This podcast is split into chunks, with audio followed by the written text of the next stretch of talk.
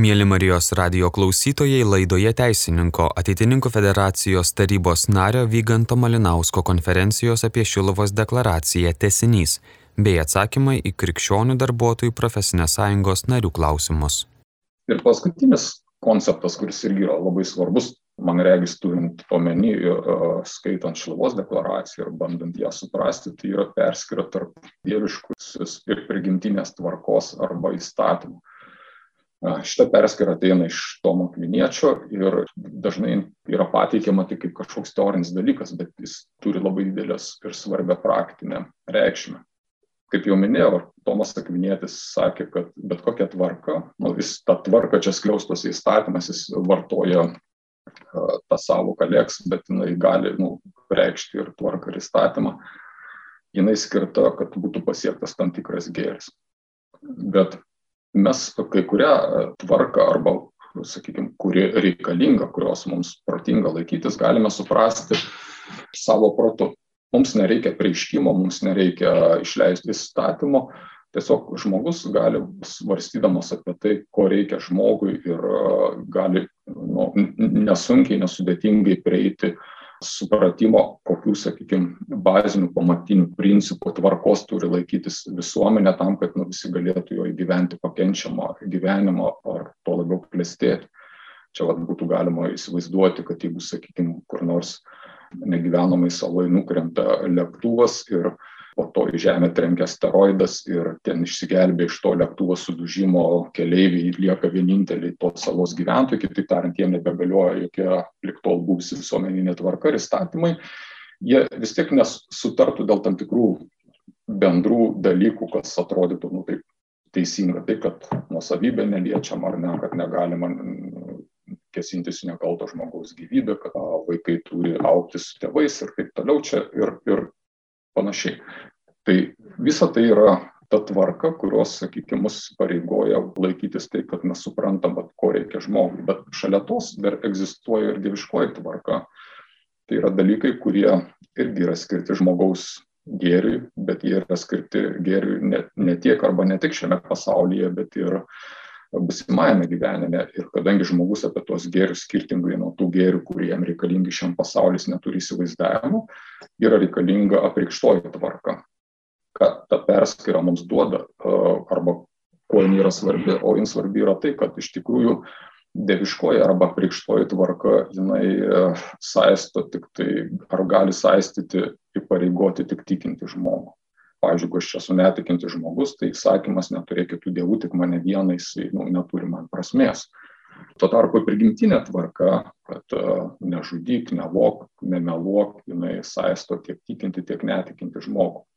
Ir vat, kai uh, kyla klausimas, kodėl tik čia dabar tikintieji skelbdami visokias uh, Šilovos deklaracijas ar panašiai, ar jie čia nepažydžia mūsų visuomenės laisvės, ar jie neprimeta savo tikėjimo mums. Tai va, reikėtų daryti skirtumą, kai eina kalbama apie tai, kad visa visuomenė turi laikytis prigimtinės tvarkos ir kai eina kalba apie tai, kas ir kiek turi laikytis dieviškosios tvarkos. Tai va, šita perskara yra labai svarbi. Tai tiek labai trumpai čia toks, sakykime, apie visus šitos dalykus čia kiekvienas iš jų beveik nusipelnytų atskiros paskaitos, bet vat, pabandžiau taip labai greitai juos prašaliuoti ir vis tiek tikiuosi, kad šiokia tokia nauda iš to, ką kalbėjau, buvo. Na, va, o dabar peržiūrėti pačią gavome ir Šiluvos deklaraciją. Tai vėlgi matom, nu, čia tą tekstą suskirščiau pagal tos, vat, mano tas septynias dalis.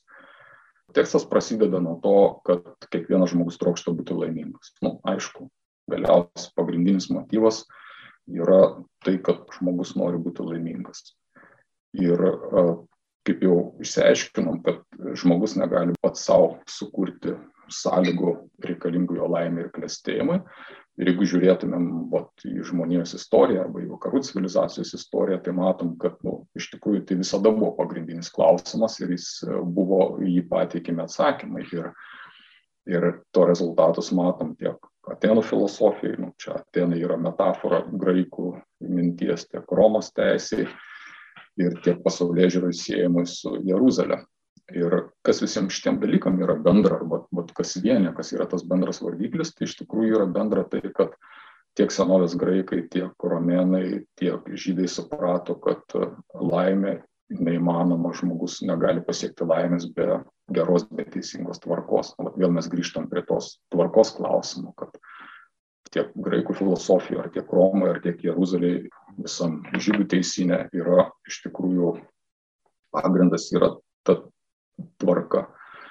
Ir toliau, aišku, tos vėlgi pastangos davė vaisių, tie vaisiai buvo riboti, bet galiausiai, kas yra norima pasakyti Šilovos deklaracijų, kad jeigu, kaip sako, medį pažinsi iš vaisių, tai nepaisant to, kiek yra, sakykime, niekinama krikščioniška Europos praeitis, viduramžiai krikščioniški ir taip toliau, nuolat yra pateikimas jūsų karikatūrintas vaizdas, ne tik kokiuose Holivudo filmuose, bet ir net ir dabartinėse istorijos vadovėliuose, bet vis tik tai vaisius yra tas, kad krikščionių civilizacija sukūrė gal ir netobulą, bet vis tik tai geriausią vietą žmogui gyventi šiam pasauliu ir tai, kad ir šiandien visi veržiasi į tuos kraštus, kurie kadaise buvo išugdyti ir suformuoti krikščioniškos civilizacijos, visi pabėgėliai, o net virkščiai, europiečiai bėga į Iraką, į Afriką, tai irgi rodo, kad vis tik tai ta pastanga sukurti sąlygas leidžiančią žmogui gyventi pilnavertį gyvenimą, vis tik tai jos yra glaudžiai susijęs su tuo, ką mes gavom iš krikščionybės ir bažnyčios mokymo, kuris beje paėmė visą, kas buvo geriausia Atenuose, Romoje ir Jeruzalės lavinė. Ir čia mintis tada yra ta, kad jeigu iš tiesų mes norime išlaikyti Lietuvą arba išsaugoti tą gėrį Lietuvoje ir Europoje, mes iš tikrųjų nu, turim išlaikyti ir tas pamatinės nuostatas arba tas tradicijas. Tuo tarpu, ką šiuo metu matome, kai yra iš tikrųjų bandoma nukirsti visas tas šaknis maitinusias iki šiol ir dar vis tebe maitinančias mūsų vakarų civilizaciją. Kitas Šiluvos deklaracijos tokia tezė arba postulatas yra tai, kad iš tiesų tvarka yra nepamainomas dalykas, bet tu geros tvarkos negali sukurti remdamasis vien tik tai įstatymais. Kitaip tariant, jeigu tvarka visuomeniai, kuri remdamas tik įstatymais ir tie įstatymai neduoda žmonėm vidinės priežasties jų laikytis, patys žmonės neturi vidinės nuostatos laikytis, o ta vidinė nuostata jinai kyla iš to, kad kiekvienas žmogus yra moralinis imperatyvas siek gėrio ir gerą daryti blogį gyventi. Tai tokia tvarka jinai nėra tvari ir jinai galiausiai nėra suderinama su žmogaus laisvė. Ir jeigu mes norime pasiekti, sakykime, tokios būklės pageidavimus, Lietuva būtų šalis, kurioje gera gyventi, kurti šeimą ir veikti ką nors prasmingai, tai iš tiesų tas yra įmanoma tik tai, jeigu jo žmonės arba didelė dalis žmonių laikosi tai, ką mes vadiname darybėmis. Na, ir Šilovos deklaracijai tos pamatinės darybės yra įvardinamos. Čia gal tik tai trumpai paminėsiu, vėlgi labai daug nesplėtojant, kad vyksta dabar tarp krikščionių katalikų šitokia tokia diskusija, kad sako, turime kalbėti ne apie vertybės, turime kalbėti apie darybės, nes vertybė yra tokia labai išplauta savoka ir, sakykime, labai subjektyvi, nes vertybė žmogui gali būti pinigai, šeima, karjera, artimo meilė ir panašiai. Tai sako, turime kalbėti apie darybės, bet iš tikrųjų darybių savoka nepakeičia vertybių savokos, todėl kad mums vertybė gali būti nepaliesta gamta, gali būti kultūros ir meno vertybės. Nu, niekaip darybėmis nepavadinsi, tiesiog darybių ir vertybių savokos koreliuoja, bet jos nėra tapačios. Darybės yra tai, kaip sako Tomas Akvinėtis, tai, kas ištobulina mūsų protą ir mūsų uh, valią tam, kad mes galėtumėm pasiekti gėrio. Nu, ir jeigu tą gėrį vertiname, tai jis ir yra mums vertybė. Ir o čia jau prasideda, kaip minėjau, ta, ta poskyra tarp šio laikinės vyruojančios liberalios demokratijos paradigmos ir to, ką teigia Šilovos deklaracija. Liberalios demokratijos paradigma yra ta, kad valstybė turi būti neutrali savo visuomenės narių pasirinkimo, gyvenimo būdo atžvilgių ir taip toliau. Kitaip tariant, nori kurti šeimą, kurk šeimą, sudaryk santoką, nori gyventi susidėjęs, gyvenk susidėjęs, nori gyventi kokiuose nors ten serijiniuose lytiniuose santykiuose, gali juos praktikuoti. Ir tai buvo iškelta maždaug apie 70-metį, tą vat, teoriškai pagrindį tokį požiūrį Džonas Rolsas politiniam liberalizme. Ir tai atrodė labai faina, iš tikrųjų, va tuo ir sugundė. Tas lūžis maždaug mūsų vakarų civilizacijai, taip jis prasidėjo ne 70-metį, bet jau 70-metį vyksta tas didysis lūžis, kai įsitvirtina tokia nuostata, kad svarbiausia yra pagrindinis teisingumo kriterijus yra lygybė ir kad valstybė turi būti neutrali ir neprivilegijuoti, sakykime, tam tikrų gyvenimo pasirinkimų. Bet aš manau, jau dabar tas matosi ir kuo toliau vakarų civilizacijai matysis tuo labiau, kad tu negali išlaikyti gyvenimo kokybės arba tos pageidavimus visuomenės būklės tvarkos, jeigu tu neskatini, nekultivuoji visuomenės narių darybę arba pasirinkimų. Kaip tai yra susijęs su laisvė, tai atsakymas yra toks, kad tai, kad aš skatinu tam tikrus pasirinkimus, tai iš tikrųjų netima laisvės to nesirinkti. Ir jeigu, sakykime, bandai šiais laikais pradėti apie tai kalbėti, tai tam tikros ideologinės grupės iš karto pradeda šaukti diskriminaciją ir taip toliau, bet čia iš tiesų yra ne diskriminacija, nu, to blogąją prasme, bet tiesiog skirtingas požiūris. Ir elementoriškai, jeigu tu esi studentas ir tu gali naudotis viešojo transporto pusę kainos, tai irgi yra tam tikras tavęs, sakykime, skatinimas arba privilegijavimas tavo pasirinkimo studijuoti. Nors, aišku, kiti ten rastų kitą paaiškinimą, kad sakytų, jis tiesiog neturi pakankamai pinigų važinėti viešų transporto, nors jis gali nusipirkti naują BMW, kuris yra daug geresnis negu jo dėstytojai, ar ten koks nors Škoda automobilis. Klausimas yra ir tas vat, svarbus ir didysis, ir Šilovos deklaracija jį taip pat paliečia, yra nu, tas dieviškosios tvarkos ir prigimtinės tvarkos santykis. Tai jau kaip minėjau, iš tiesų ir Tomas Akminėtis skyrė, kad egzistuoja dvi tos tvarkos. Tikinti žmogų jos įpareigoja abi. Ir Tomas Akminėtis, beje, teologijos sumą jisai kelia tokį va, įdomų ir svarbų klausimą, sako, jeigu žmogus gali savo protus suvokti, kas yra gera, kas yra bloga ir tuo gauna tada vidinę moralinę priežastį laikytis tam tikros tvarkos, kam tada reikalinga dieviškoji tvarka? Ir Tomo Akviniečio atsakymas yra, dieviškoji tvarka yra reikalinga tam, kad, kad ne, jis sako taip, kad dieviškoji tvarka nebūtų reikalinga, jeigu mūsų likimas būtų skirtas tik šiam pasauliu. Jeigu mes neturėtume jokio amžino gyvenimo, jeigu nebūtų mums parengta tai, apie ką Dievas sako, ko akis neregėjo, ausis negirdėjo, kas į galvą netėjo, tą Dievas parengė mylintiems žmonėms.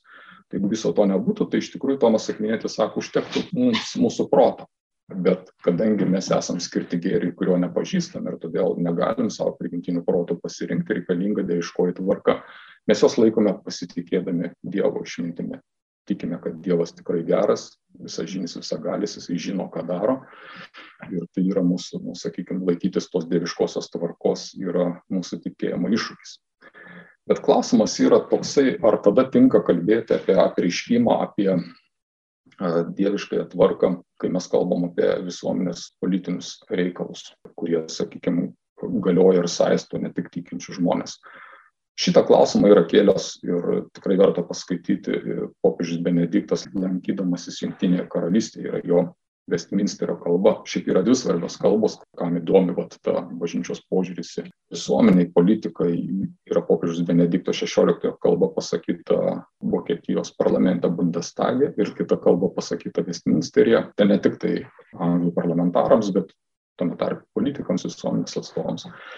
Ir jisai tą klausimą kėlė iš tikrųjų, jeigu yra prigimtinis įstatymas, o bažnyčia beje visada pripažino, kad pasaulietinė valdžia yra kompetitinga savarankiškai vadovautis prigimtiniu protu ir todėl, kaip popiežius Benediktas atkreipė dėmesį, katalikų bažnyčia niekada nebuvo priemusi pasaulietinių įstatymų kažkokio rinkinio. Pavyzdžiui, žydai turi torą, apreikštą įstatymo dalį, kuris galioja ir pasaulietiniuose dalykuose, musulmonai turi šariatą, katalikai neturi nieko panašaus. O mūsų Lietuvos didžiosios kunigaikštystės statutas nebuvo joks apreikštas ar panašiai.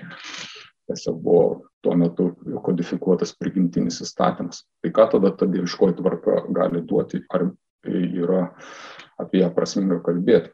Ir atsakymas Benedikto Westminsteryje buvo taip, kad žmogus protas, ypač jeigu jisai yra, sakykime, taip savanoriškai save pribojęs, o, pavyzdžiui, vadovaujasi tik tai prielaidomis, kurios kyla iš tam tikro tyrinio gamtamokslinio pažinimo, jisai yra linkęs nuvažiuoti nuo bėgių.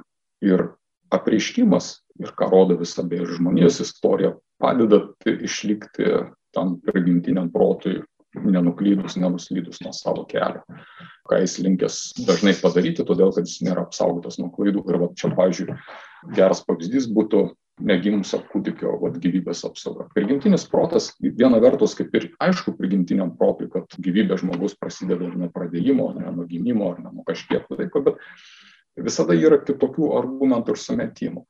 Ir vat, apreikštoji tvarka arba dieviškoji tvarka, jinai iš tikrųjų duoda tą tokį absoliutų užtikrinimą arba tokį tikrumą, kad nu, vis tik tai mes turime tą gyvybę saugoti.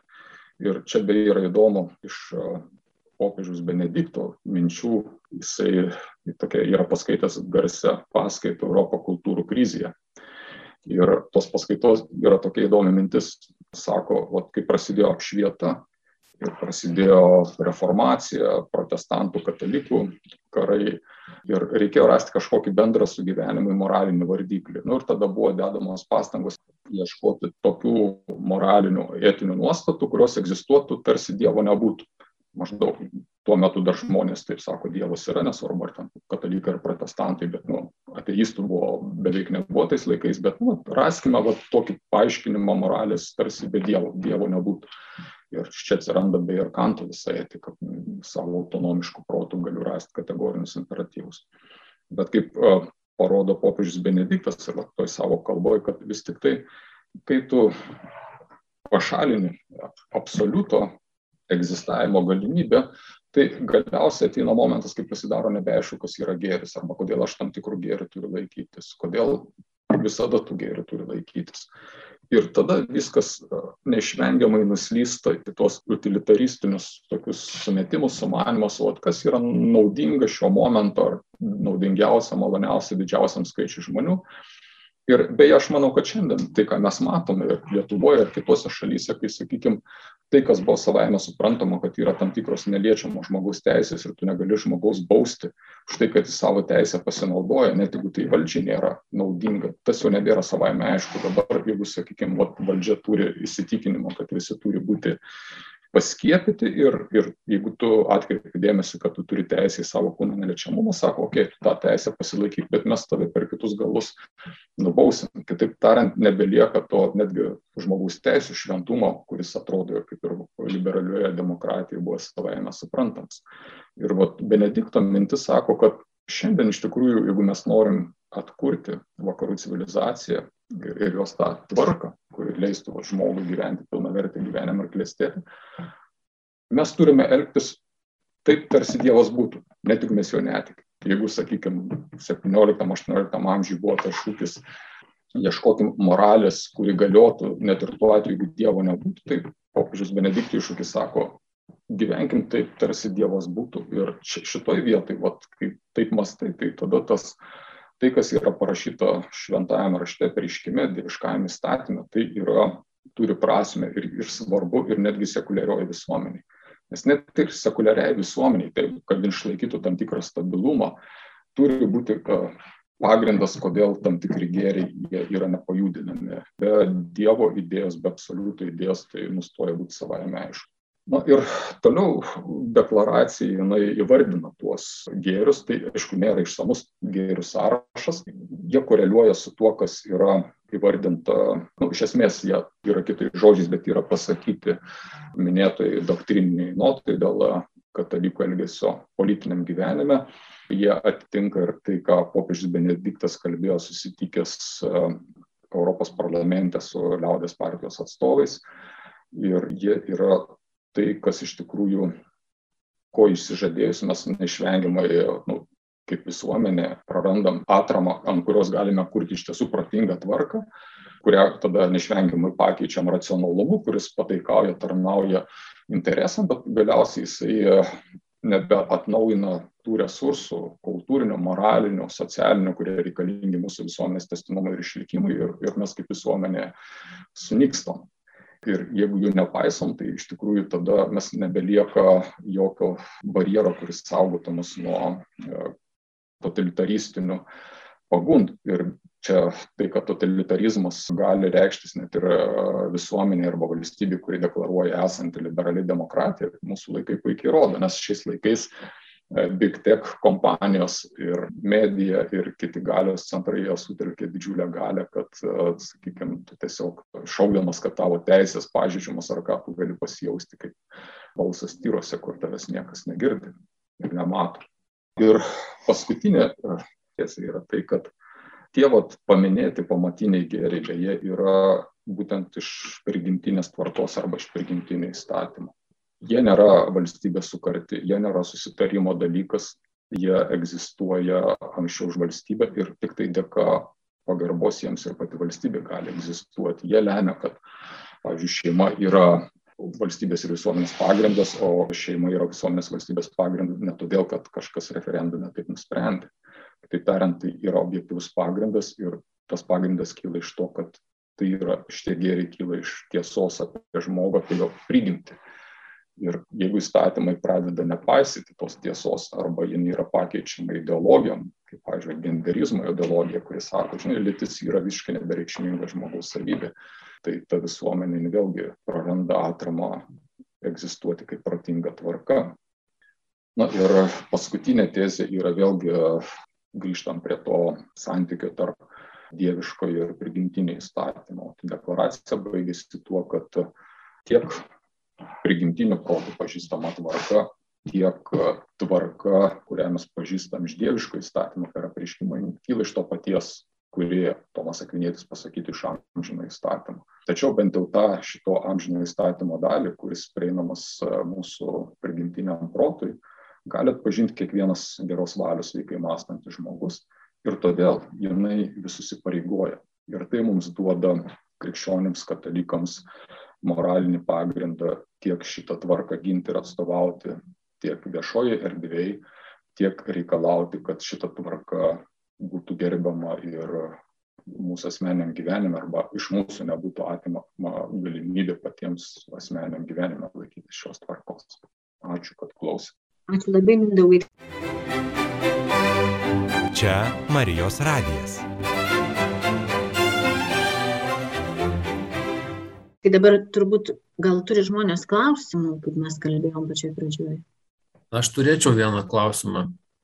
Prašau. Gal toks ne, ne tiek klausimas, kiek toks pabandymas pamastyti galbūt kartu.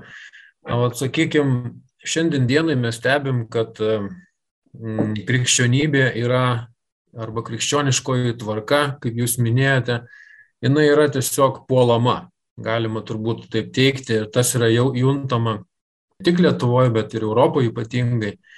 Sakykime, jau nekalbant apie įvairius išpolius, kai yra ten e, sunaikinamos, ten sugadinamos bažnyčios, e, sugaunamos nusikaltelis ir jisai po to netgi nenuteisiamas, o jam tik tai pirštuku pagrumuojama kaip reikėtų krikščioniškai žiūrėti, sakykime, į tą kažkokią tai savyginą, kaip reikėtų gintis? Ir kaip reikėtų akumuliuoti visuomenėje savimonę arba kažkokias jėgas, kurios sukiltų į tą kovą už dieviškąją tvarką. Aš sakyčiau, pirmiausia, mes turim kilti į kovą visuomenėje už prigimtinę tvarką, ir taip pat turime kovoti, kad vat, mūsų bažnyčios viduje mums niekas netrukdytų, mes nebūtume verčiami elgtis priešingai dieviškai tvarkai. Vat kaip, pažiūrėjau, tu mano paminėtų ten seserų atveju, kad, sakykime, jeigu yra religinė bendruomenė ar kokia religinių pagrindų įsteigta, kad ir pasaulietinė organizacija. Bet tai, kas mums trukdo, sakykime, šitai kovai, man atrodo, trukdo tai, kad net ir katalikų tarp yra įsivyravęs toksai, nu, sakykime, netvarkingas meilės supratimas. Ir čia man patiko, čia turėjom pokalbį prieš keletą dienų, čia profesoriaus Alvydo Jokubaičio buvo paminėta ta ordo amoris meilės tvarka.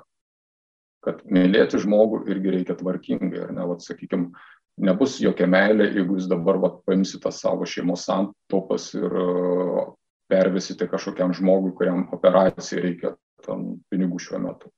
Nu, yra tikrai santaros ar Kauno klinikose tikrai rasi žmonių, kam reikėtų labai pinigų ir objektyviai, nes jam kažkokio reikia ypatingo gydymo ir mes turim kažkokių santaupų. Tai, bet ar tai bus meilė? Ir atsakymas tai bus iš tikrųjų netvarkinga meilė, nes meilės tvarka sako, kad mūsų pirmiausia pareiga rūpintis yra savo šeimą, savo artimaisiais. Ir tai nėra vien tik tai šitie pinigai, nėra vien tik tai tavo nuožiūros dalykas, tai yra bendras šeimos, tarkim, turtas.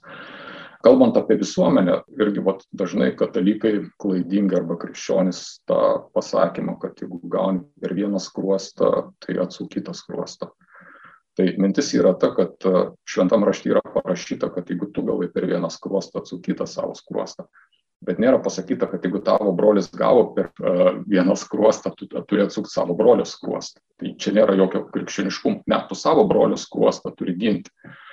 Ir va ta visuomenės savigina, jin yra pateisinama, jinai, jos motyvas moralinis yra tai, kad mes turime apginti tuos pamatinius gėrius visuomeniai. Aš pats galiu savo sąskaitą rodyti nuolankumą, rodyti gailestingumą, sakykime, galiu atiduoti savo paskutinius marškinius, jeigu taip manau viskas yra ok. Bet jeigu iš kito mano brolio nori atimti paskutinius marškinius, tai aš tada turiu kovoti visomis jėgomis. Ir jeigu aš to nedarysiu, tai aš už tai atsakysiu paskutinėme teisme. Tai nežinau, Mindaugai, ar pataikiau paties klausimą. Taip, ačiū, iš tikrųjų buvo labai įdomu išgirsti jūsų nuomonę to klausimu. Man toks susidaro įspūdis, nežinau kaip kitiems, kad e, vis tik tai to ryšto šiandien ginti šitas vertybės, e, krikščioniškas vertybės, žmogiškasias vertybės, jo kažkaip tai lyg ir trūksta toks juntamas kažkoks liktai apatiškumas visuomenės ar, ar negebėjimas, negalėjimas, žiūrint iš to taško, kaip jūs sakėt, atsukti kitą skruostą, lyg ir čia atrodo, kad negaliu aš nieko daryti, nes čia jeigu gavau, tai turiu kitą atsukti. Tai va tas jūsų pasakymas man buvo įdomus ir naujas man asmeniškai, kad jeigu tai yra tavo artimos kruostas ar tavo brolio, tai tada tu kaip ir turi teisę. Tai kitaip tariant, mes turim teisę gintis tiek nuo, nuo kito taučių kažkokių antpolių, kaip šiuo atveju aš migrantus turiu menį, sakykime, jeigu jie ateina mm, su kažkokia tai savo religinė doktrina ir bando užgošti, tai mes, na, mes turime teisę gintis. Mes esam, vat, mūsų šitą kartą esam atsakingi už peveldą, ne, kurį ne mes sukūrėm. Bet bet mes turime pareigą jį išsaugoti ir perduoti vat, ateities kartom. Nes kaip kai kurie politikai sako, nu, Lietuvą gali labai greičiais laikais sunaikinti. Atidaryk sienas ir ateikite visi ir apsigyvenkite čia. Paskelbk, reiškia, visą Afriką atvažiuos, nu, liks tik tai Lietuvos pavadinimas. Ir dar, žinai, vat, porą minčių, kodėl nėra tos valios ar ryšto, ryšto priešintis. Tai viena iš priežasčių yra tai, kad esame gan stipriai demoralizuoti ir, nu, kaip jau minėjau, ta demoralizacija yra iš tokio nu, neteisingo, netvarkingo meilės supratimo viena priežastis, o kita priežastis mes, mums ryštas yra atimamas e, tuo, kad maždaug mes neprimetinėjom jums savo nuostatų ten kokie ar ne, ne, nenurodinėjom, kaip jūs turite katalikai krikščionys gyventi, tai prašau jūs mums neprimetinėkite. Todėl aš šiandien kalbėdamas, tai bandžiau vis pabrėžti tą prigimtinės teisės sampratą, kad tai yra dalykai, tai yra moralinis pagrindas, kodėl mes iš tikrųjų turime rūpintis ir reikalauti, kad visuomenė gerbtų ir saugotų tam tikrus pamatinius gėrius. Aišku, o trečia demoralizuojanti priežastis yra ir ypač vat, jaunai kartai. Sakykime, vat, Lietuvoje, kas dar laiko frontą, tai vat, laiko mūsų karta, nu, sakykime, dabartiniai 40-mečiai, 50-mečiai. Didžioji dalis ir kuo labiau jaunesni, tuo jie vis labiau, nes uh, čia jie yra išugdyti jau to liberalaus individualizmo, kaip Dinenas sako, vat, kokiais yra pasiekmes žmogui liberalizmo, kad žmogus tampa silpnas ir priklausomas. Aš kad tu nebeturi vidinių savybių, darybių, kurios tau leistų ar įgalintų tave laikyti, sakykime, savarankiškai visuomenė, tu esi priklausomas nuo valstybės, bet ir kartu nu, valstybė, valstybė tuo naudojasi ir jinai kartu gundo, nu, sakykime, naujos technologijos, naujos galimybės ir, ir jauni žmonės jie įsitikinę, kad čia yra, gal nėra tobula, bet geriau taip negu kaip nors kitaip. Sakykime, nėra to tikėjimo, nėra alternatyvos vizijos. Gal dalis tiesos ir yra. Aš tikrai dažnai pastebiu, kad nėra tų pamatinių vertybių daugeliu atveju. Bet e, iš kitos pusės, kaip viena išminčiaus palyginime apie dantis ir liežuvį, nežinau, ar esate girdėję, kad e, liežuvis ilgiau išlieka negu kad dantis. Dantis, būdami kieti, išbyra greičiau. Tai gal kartais yra ir nežinojimo, kaip ginti tas vertybės. Ir kitas momentas, kad e, agresyvus gynimas, nu, jis turbūt e, šauktų agresiją. Tai daryti, bet, nu, norisi daryti visą tą protingai. Tai būti protingam yra svarbu, bet kur yra problema iš tiesų, kad bet koks bandymas ginti, sakykime, kokias nors, nu, va, šiandien tas pamatinės vertybės, labai lengvai ant tavęs yra užkabinama radikalo etiketė ir nors tu gali būti visiškai taikingas ir, ir ramus žmogus, bet tik tai jauti moralinę pareigą nuo šitoje vietoje netilėti, iš karto tu esi marginalizuojamas kaip priklausantis kažkokiem radikalam. Ir tai, ką mes matom, bet šiuo metu Lietuvoje, ko nebuvo dar prieš 20 metų, daug žmonių jau pradėjo save stipriai savicenzūruoti. Jie iš tikrųjų bijo netgi garsiai pasakyti, ką galvoja, nes, na, nu, sakykime, nieks jų ten kol kas administracinė ar baudžiamąją tvarką nenubaus, bet jie žino, kad gali savo karjerai turėti problemų ir taip toliau ir panašiai. Ir tada va, tas protingumas, jisai yra tapatinamas su tokiu, nu, gal netiktų vadinti bailumu, bet su tokiu, nu, saugios atsargios pozicijos užėmimu. O kaip Jūs rekomenduotumėt vygantai elgtis? Į abstraktų klausimą gali atsakyti abstrakčiai, drąsiai ir protingai, o ne, reikia žiūrėti konkreč, konkrečią situaciją. Turiu klausimą šiek tiek susijusiu su tuo, ką jau palėtėm pastaruoju metu klausimais, to, ką klausė Mindaugas iš dalies ir šitą dalyką aš pasižiūrėsiu labiau kaip istorikas. E, dabar mes daug kalbėjome apie vertybių gynimą ir daug kalbėjome apie, daug e, vykantas minėjo civilizaciją. Žiūrint į mūsų civilizacijos, turiu galvoj, kaip ją pavadinsim, vakarų civilizacijos, krikščioniškos civilizacijos gynimą, mes turėjome beveik, nu kiek, apie 1500 metų tam skirtą instituciją. E, pradedant ketvirtų amžiumi ir baigiant 1918 metais. Ir ta institucija tai buvo mūsų civilizacijos pasaulietinė galva, nes pagal mūsų civilizacijos pirminė koncepcija yra dvi galvos, ar ne, dvasinė popiežius ir pasaulietinė imperatorius. Ir jeigu aš esu teisingai suskaičiavęs, popiežiai yra 30 kartų patvirtinę imperatorių teisę ginti ir pareigą ginti Europos civilizaciją. Ir tas buvo kartojama ir kartojama ir kartojama ir kartojama. Bet tai čia kaip instituciškai pradžiai. Tai, bet su 1918 mes to nebeturime, o, o popiežio aškių nutarimų imperatorių atžvilgių jau dar šiek tiek anksčiau. Bet žinoma, šalia to, nu, pradedant viduramžiais, visada labai dažnai vėlgi popiežių rašuose buvo pabrėžiama, kad ne tik kaip asmuo imperatorius vadovauja vertybių ir civilizacijos gynimui politinėje srityje, bet ir yra klasė, kuri konkrečiai yra už tai atsakinga ir turi savo pašaukimą tai yra kilmingųjų luomas arba, kaip mes pasakytume, bajorija. Ir nors mes nebeturime imperatoriaus oficialiai nuo 1918, aš žinoma turiu galvoj Habsburgus, ne kažką kitą, tai bajorų luomą tam tikrą prasme turėjome pripažinti ilgiau. Ir pavyzdžiui, popiežius Pijus XII buvo paskutinis, kuris kalbėjo apie bajorų teisę ir būtinybę ginti Europos civilizacijos griūvančias ardomas sienas. 1950 metai. 1958-aisiais popiežius Pijus XII miršta ir po to nebėra jokios kalbos nei apie imperatorių, nei apie bajoriją, nei dar kažką panašaus. Ir tada vat, kyla to, tokia, bent jau man kažko galbūt negirdžiu, savotiška tyla. Tai kas dabar? Ar pirma, reikia ginti krikščionišką civilizaciją, nes matau, kad daugam šitas klausimas kyla, turiu galvoje katalikus, visų pirma, katalikų intelektualus. Ir antras dalykas, kas jie turi ginti. Ir trečias, kaip. Tai mano klausimas toks būtų. Tai atsakant į vidurinį klausimą, kas tai kiekvienas krikščionis katalikas turi ginti savo ir, ir ta gynyba, jinai, nu, kaip ir kare, ne, ne visi e, kariuomenė yra sudėtinga organizacija ir ne visi stovi apkasuose su šautuvais, yra ir užnugaris, yra logistika, yra štabai, yra galiausiai resursų gamyba užnugarėje, tai sakykime, ta civilizacija gina tiek intelektualas rašydamas tekstus, tiek šeimos mama augindamas savo vaikus krikščioniškam vertybėm ir jie abu dalyvauja. Bet vat, kai tu pasakė, Eimantai, apie tą pavyzdį, nu, taip, imperatoriaus ne, jau senai nebėra, aristokratija irgi jinai e, jau porą šimtų metų kaip nebe, nebevaidina lemiamo vaidmens vakarų civilizacijai, bet aš jau kaip ateitininkas galiu pasakyti, man irgi tokia, skaitant Šalkauskio ateitininkų ideologiją, nu, jis parašė ateitininkam, kur irgi Lietuvos kaip valstybė buvo atkuriama, o nepriklausoma po 18 metų, čia mūsų bajorijos vaidmuo buvo labai, labai, sakykime, toksai nedidelis, ar ne, jau bajorai nuvėjo į šoną ir atidavė paprastiems žmonėms vairą. Bet Šalkauskis, jisai, vat, kalbėdamas, at, nu, ateitininkai buvo sukurta katalikiška jaunimo organizacija tam, kad juos išugdyti ir kad jie būtų pajėgus vat, visą atnaujinti Kristui ir, ne, vat, ir imtis to paties krikščioniškos civilizacijos atskūrimo Lietuvoje. Tai Šalkauskis suformuoluoja konceptą katalikiškos inteligentijos. Sako, kas yra inteligentija?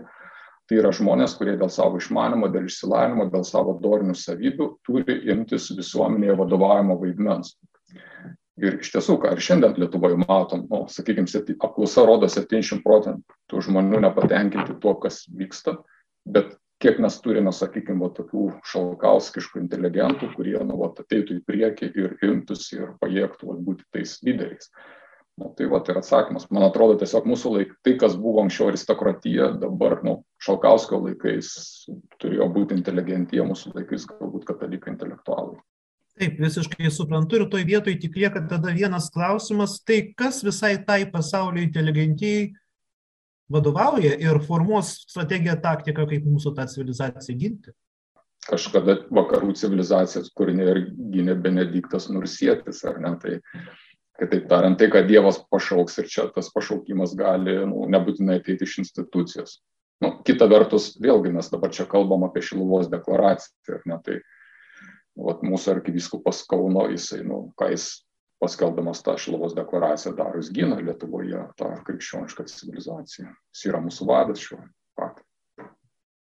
Nu, tai mūsų kariuomenė yra tokia labai nedidelė ir atrodo, kad kaip ir viena vertus neturi šansų, bet va čia audris patvirtinta iš mūsų patirties, tai va jau kiek metų, nu, žiūrėkit, jau praėjo sukako metai, kaip nauja, turim naują daugumą prieš metus jie atėjo sakydami per šimtą dienų ten įtvirtins ten visą eilę dalykų. Iki šiol jie to neįtvirtino. Tai net ir maža kariuomenė pasirodo gali visai veiksmingai kovoti, jeigu apvaizda ją palaiko. Taip, su inteligentija mes turim šitą reikalą, visiškai sutinku, bet va čia ir įdomiausia, ir galbūt čia buvo kitas klausimas, kurį pamačiau. Bet labiausiai tie žmonės, kurie buvo įpratę save laikyti ir visuomenėje buvo, ir tam tikrą dalimi tebėra laikomi katalikų intelektualais, labiausiai ir pasipiktino Šiluvos deklaracija. Ir nepamirškime tą garsų įrašą, ar ne, vieno iš tų labiausiai įtakingų katalikų intelektualų, bent jau jis tokių laikomas jau kelis dešimtmečius, kad Šilovos deklaracija yra klerikalizmas, o pasak popiežiaus pranciškos, klerikalizmas yra iškrypimas. Ir šito žmogus klauso daugybę katalikų ir, ir mus neaišku, kuo tada laiko. Na, kaip jie patys sako, na, jie pas vyskupą fundamentalistai ką mums daryti su tokia inteligentija ir, ir kodėl šitie žmonės šitaip elgesi ir vadina mus dabar tokiais vardais ir, ir šitą šilos deklaraciją bando, kaip jūs sakėte, be argumentų etiketėmis sudirbti.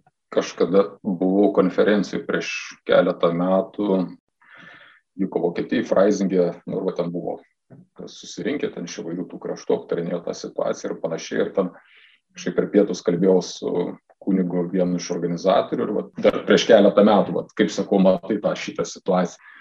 Tai jo atsakymas buvo toks ir sako, žinai, va, sako, aš visiems, kurie va, su nerimu stebi, kas dabar vyksta, aš bažnyčios, sako, aš siūlau žiūrėti bažnyčios istoriją. Tai nėra pirmas kartas, kai vyksta toks, ar ne, nu, atrodo, nuosmukis, susiskaldimas ir taip toliau. Ir kiekvieną kartą vis atsirasdavo kažkas, nu, bažnyčios atsinaujinimas. Tai tuos, kuriuos minėjai, tie asmenys, nu, jie atstovauja tą tokią, nu, jėgą, kuri bando demoralizuoti, sakykime, bažnyčią arba ją padaryti tokią visiškai subordinuotą pasaulio dvasiai. Ir jiem bet koks toks veiksmas drąsesnis iš viskupų, kaip, sakykime, Šilovos deklaracijai, nu, jiem žiauriai gadina visus jų reikalus ir jie tada, nu, elgesi kaip elgesi. Bet įdomiausia, jie tada ir pasitelkia tą mintį, kad čia nesu viskupais nieko neturi bendro, juk tie patys žmonės kalbėjo, kad šitą deklaraciją parašė žmonės, kurie neturi jokio teologinio įsilavimo ir nei vienas iš jų negalėtų net kunigų tapti dėl savo neišmanimo. Ir kaip jie paskui nustebo, kaip paaiškėjo, kad prie to prisidėjo ir rašė arkivyskupas, jie tada visiškai nutilo. Na, bet po to jie pradėjo sakyti, ai, tai čia vienas tik tai arkivyskupas, tai nėra visos bažnyčios nuomonė. Kaip mums elgtis tokiais, tokiuose situacijose? Svarbu ne kiek žmonių pasako, ką nors svarbu, ar tai, ką pasako, yra tiesa. Taip, bet dabar, kai šitaip yra dėl visko abejojama ir žmonės yra pasimetę, dažnai nebežino ir nebeturi informacijos, kas yra bažnyčios mokymas, jie kartais pasimeta, vienas vyskupas pasaulyje sako taip, kitas vyskupas pasaulyje sako kitaip ir tada tampa labai sunku tiems žmonėms atsirinkti, kas yra ta tiesa. Ne, kad yra sunku, kad yra daug tokios dezinformacijos ir iškraipimo, tai yra faktas, bet kita vertus, nu, ačiū Dievui, bažnyčios mokymas yra nepaliestas, jis yra prieinamas. Jeigu tu skaitai, nu, tai dokumentuose tu rasi autentišką bažnyčios mokymą. Bet dauguma jo nebeskaito dėja. Gal ir niekada neskaitė, bet bent jau dabar tikrai daug kas neskaito. Nu tai va, misija yra įskleisti ir aiškinti. Čia va šitas mūsų, tarkim, ir buvo pirmas bandymas, ar ne, kalbant apie šilos deklaraciją ir nu, pakalbėti apie tos pamatinius dalykus. Jeigu galima dar trumpai įsiterpsiu tą pačią temą, teko bendrauti su savo sunumi irgi, kuris nu, apie tikybos pamokas ir sako, kad, na, tarkim, ten prieš metus kelis per tikybos pamokas panalizuodavo šiek tiek giliau šventą raštą, Jėzaus mokymo tam tikras eilutes pastudijuodavo giliau. Tuo tarpu dabar vis labiau tikybos pamokos tampa tokios, na, kad būtų linksmiau, kad būtų fainiau, kuo mažiau kažkokios tai gilios prasmės tenais, kad ne, ne, neužkrauti jaudų žmonių galvų. Ir tokia ta, ta, ta pamoka tokia apskritai toksai kaip, na, nu, ne, ne, ne vien nemalonus, sakykime, užsiemimas. Tai va čia va yra bėda, Ir, vat, sakykime, kaip tą bėdą išspręsti, kaip, kaip tą jaunimą sudominti, nes tik tai jie, nes, va, kaip jūs vygantai sakėt, mes 40-mečiai, 50-mečiai esam dabar tie, tie arklai, sakykime, o, o kas bus po to, kaip, kaip juos išlaikyti, labai svarbu. Aš irgi turiu, nu, tokie jau, jau saugę mano vyrai, bet dar jauni palyginus, dar studentai, tai, va, tai yra žinai toks pasišnekė, tai jau tokia pastaba buvo, kad sako, jeigu nori jauną žmogų susigražinti bažnyčią, tai ta bažnyčia neturi būti all inclusive. Visi, nesvarbu, kaip tu gyveni, ką tu manai, tu visi eikite, visi, sako atvirkščiai. Turi būti aiškiai pasakyta, kad tik tie, kurie, sakykime, laikosi griežtai, nu, kaip ir pirmais krikščionybės amžiais, žinai, buvo kviečiam visus, bet jeigu tu nori priklausyti bendruomeniai, tai tie reikalavimai nu, buvo tikrai griežti, ir jeigu paštalo Paulius laiškus skaitai, tai ten būdavo netoks retas atvejis, kai būdavo išmestas. Bet čia va, turi keistis tas selovados. Yra toks terminas, dabar tiksliai neatsimenu angliškai, malonybių bažnyčia, Church of Nice, man atrodo, taip vadinasi. Kad bažnyčiai viskas tik turi būti malonu, taip vad gera, tokia jauku, šilta, neturi jokių nemalonių ar sunkių klausimų būti. Nu, ir tas tada, žinai, nu, Dievas ir taip geras, jis ir taip mane pasims į dangų, tai kam aš čia dar gaišiu laiką ten eidamas kažkokią bažnyčią. Dar norėčiau pridėti, bet labai suskambėjo, prisimenu, toks yra kanadietis influenceris katalikas, kur aš kartais pasiklausau, tai jisai tą labai stipriai akcentuoja, sako, jeigu bažnyčia tai, ką jin dabar daro, pradeda konkuruoti su pasauliu, jinai jo niekada nenukonkuruos, nes ji nebus tokia patraukli savo platuma kaip pasaulis. Jinai turi kaip tik eiti į tą, nu, bet kaip, kaip tu sakai, ekskluzyvumą ir traukti tom kitom vertybėm, ir, o nestengtis ištirpti pasaulyje, susiniveliuoti su pasauliu ir tapti patraukli visiems, nes tada nebus patraukli niekam jos tiesiog nebeliks. Ir dar, ir dar vat, ką Mindaugas kalbėjo, aš, mano draugė mokosi magistrė e, VDU šeimoteroj. Čia tiesiog irgi kažkaip mes ja kalbėjomės, žmonės, nu tos moteris, kurios yra priimtos į magistrą ir kurios dirbs e, turbūt šeimos centruose, pusė jų iš vis jokio santykio su tikėjimu neturi. Ir man tada klausimas, kodėl VDU teologijos fakultete Tiesa, pagal kokius kriterijus, tik kad užpildyti tas valstybės finansuojamas vietas, yra atrenkami žmonės, kurie po to eis į mokyklas arba į šeimos centrus, kurie neš, turėtų nešti tas krikščioniškas vertybės, kurių jos neturi. Ir kai ten klauso paskaitas kokio nors kunigo Narbekovo apie lytiškumą, ar ten, sako, to, akis tokios didelės ir jos tiesiog atmeta, nes, na, nu, tai yra kitos kitos vertybės, kitas supratimas. Man tas buvo kažkaip irgi labai, nežinau. Nu, žinai, aš, aš pats dėstau dviejose programuose, šeimoterai nedėstau, bet teologijos fakultete, nu, nedėstau tiem tikriem teologam, bet dėstau magistro programą, yra pastoracinė ir, ir religinis švietimas. Tų studentų yra nedaug, bet tikrai negaliu pasakyti, kad jie būtų vat, kuo nors labai skirtingi nuo mūsų čia susirinkusių. Nu, vat, iš tikrųjų yra daugiau ar mažiau. Aišku, visada, e, aš pats, kai 90 metais įstojau teologiją, tai mūsų buvo daug, ten beveik šimtas studentų, bet visko buvo. Čia nu, studijuoti žmogų negali uždrausti, čia kitas klausimas yra, ar, ar jis bus atitiks vertybės ir kvalifikaciją, kad jis galėtų dirbti darbą, jau tie, kurie priema į darbą, turėtų tą sprendimą padaryti. Bet čia yra problema dar tokia, kad va, tas atmetimo reakcija, jinai vyksta ir tarp jaunimo tarp jaunimas, kurie yra iš katalikiškų šeimų ir kurie šiaip priklauso, netgi dalyvauja tam katalikiško jaunimo veikloje, sekmadieniais eina į bažnyčią ir taip toliau, bet jau nemaža dalis, pavyzdžiui, jiem yra neprimtinas kalbėjimas, kad uh, du vyrai nėra šeima, nu, pavyzdžiui. Jie jau yra taip, sakykime, indoktrinuoti tos pasaulio, sakykime, tos dvasios ir logikos ir čia baisus iššūkis yra. Kaip juos susigražinti o tą susigražinti gali tik tai, nu, iš tikrųjų drąsiai kalbėdamas, bet va, tu turi būti pasirengęs mokėti kainą. Bet įdomu, kad jeigu stebit, kas dabar, tarkim, Amerikoje vyksta, kad man kažkaip atrodo, kad po truputį ateina, kad tie patys liberalai, kurie nėra jau ten visiškai kraštutiniam gale tos, nežinau, trans ideologijos, jie jau patys patiria vaisius, vat, tos liberaliosios politikos, nes tarkim, tai, kas bet dabar Virginijoje, pavyzdžiui, įvyko, kai žmonės, kurie balsavo, kai tai jau pradėjo liesti šeimas ir, ir tos indoktrinacija pradėjo leistis iki pačių ten pradinių mokyklų ir užkabino šeimas, kai, kai vaikai yra, gaz, net negazdami, bet mokomi meluoti tėvams, kad nesakytų tai, apie ką jie ten kalba, apie lyties keitimą nuo darželinio amžiaus ar panašiai. Kad net tos, aš esu mačius ten interviu su moterim, kur jinai sako, taip, aš esu progresyvi, aš esu už vienos lyties santokas, bet kai tai liečia mano šeimą, kai tai liečia mano vaikus, kai aš matau, kad vaikai yra plaunamosios smegenys, ta prasme, kad ateina toks laikas, kai jie vat, patiria tuos vaisius, kai liečia jau konkrečiai kiekvieną šeimos lastelę, atsiranda pasipriešinimas net tarptų dalies progresyviųjų, liberaliųjų, kairoliškųjų, kurie nėra visiškai patys nu, ideologai ar aktyvistai, sakykime taip. Taip, taip, tai čia mačiau, buvo apklausos, rodė, kad smuko labai palaikymas, nu, ten 10 procentų, gal 10 procentų, gal nuo 10 iki 20 tų transseksualų Amerikai, kurie dalyvauja sporto varžybose ir, ir ten, nu, vat, ir kitais, kad, nu, sakykime, taip, dalis jų atsibunda, bet, bet čia tie, vat, jau, manau, drebinantis mūsų vakarų krikščioniškos civilizacijos pamatus, tie procesai, jie prasidėjo, jau vyksta keli šimtai metų ir aš, nu, jie taip nesustos man tai visai nebuvo, kaip sakot, nuostabu išgirsti, kad kažkokie tai tikintieji pasauliečiai jau nebesupranta, kad du vyrai, nu, čia ką minėjote, bet juk šiomis dienomis pastebėjote, iš Julius Asnauskas parašė, kad jis nesupranta, kaip galima dviejų vyrų nelaikyti šeimą.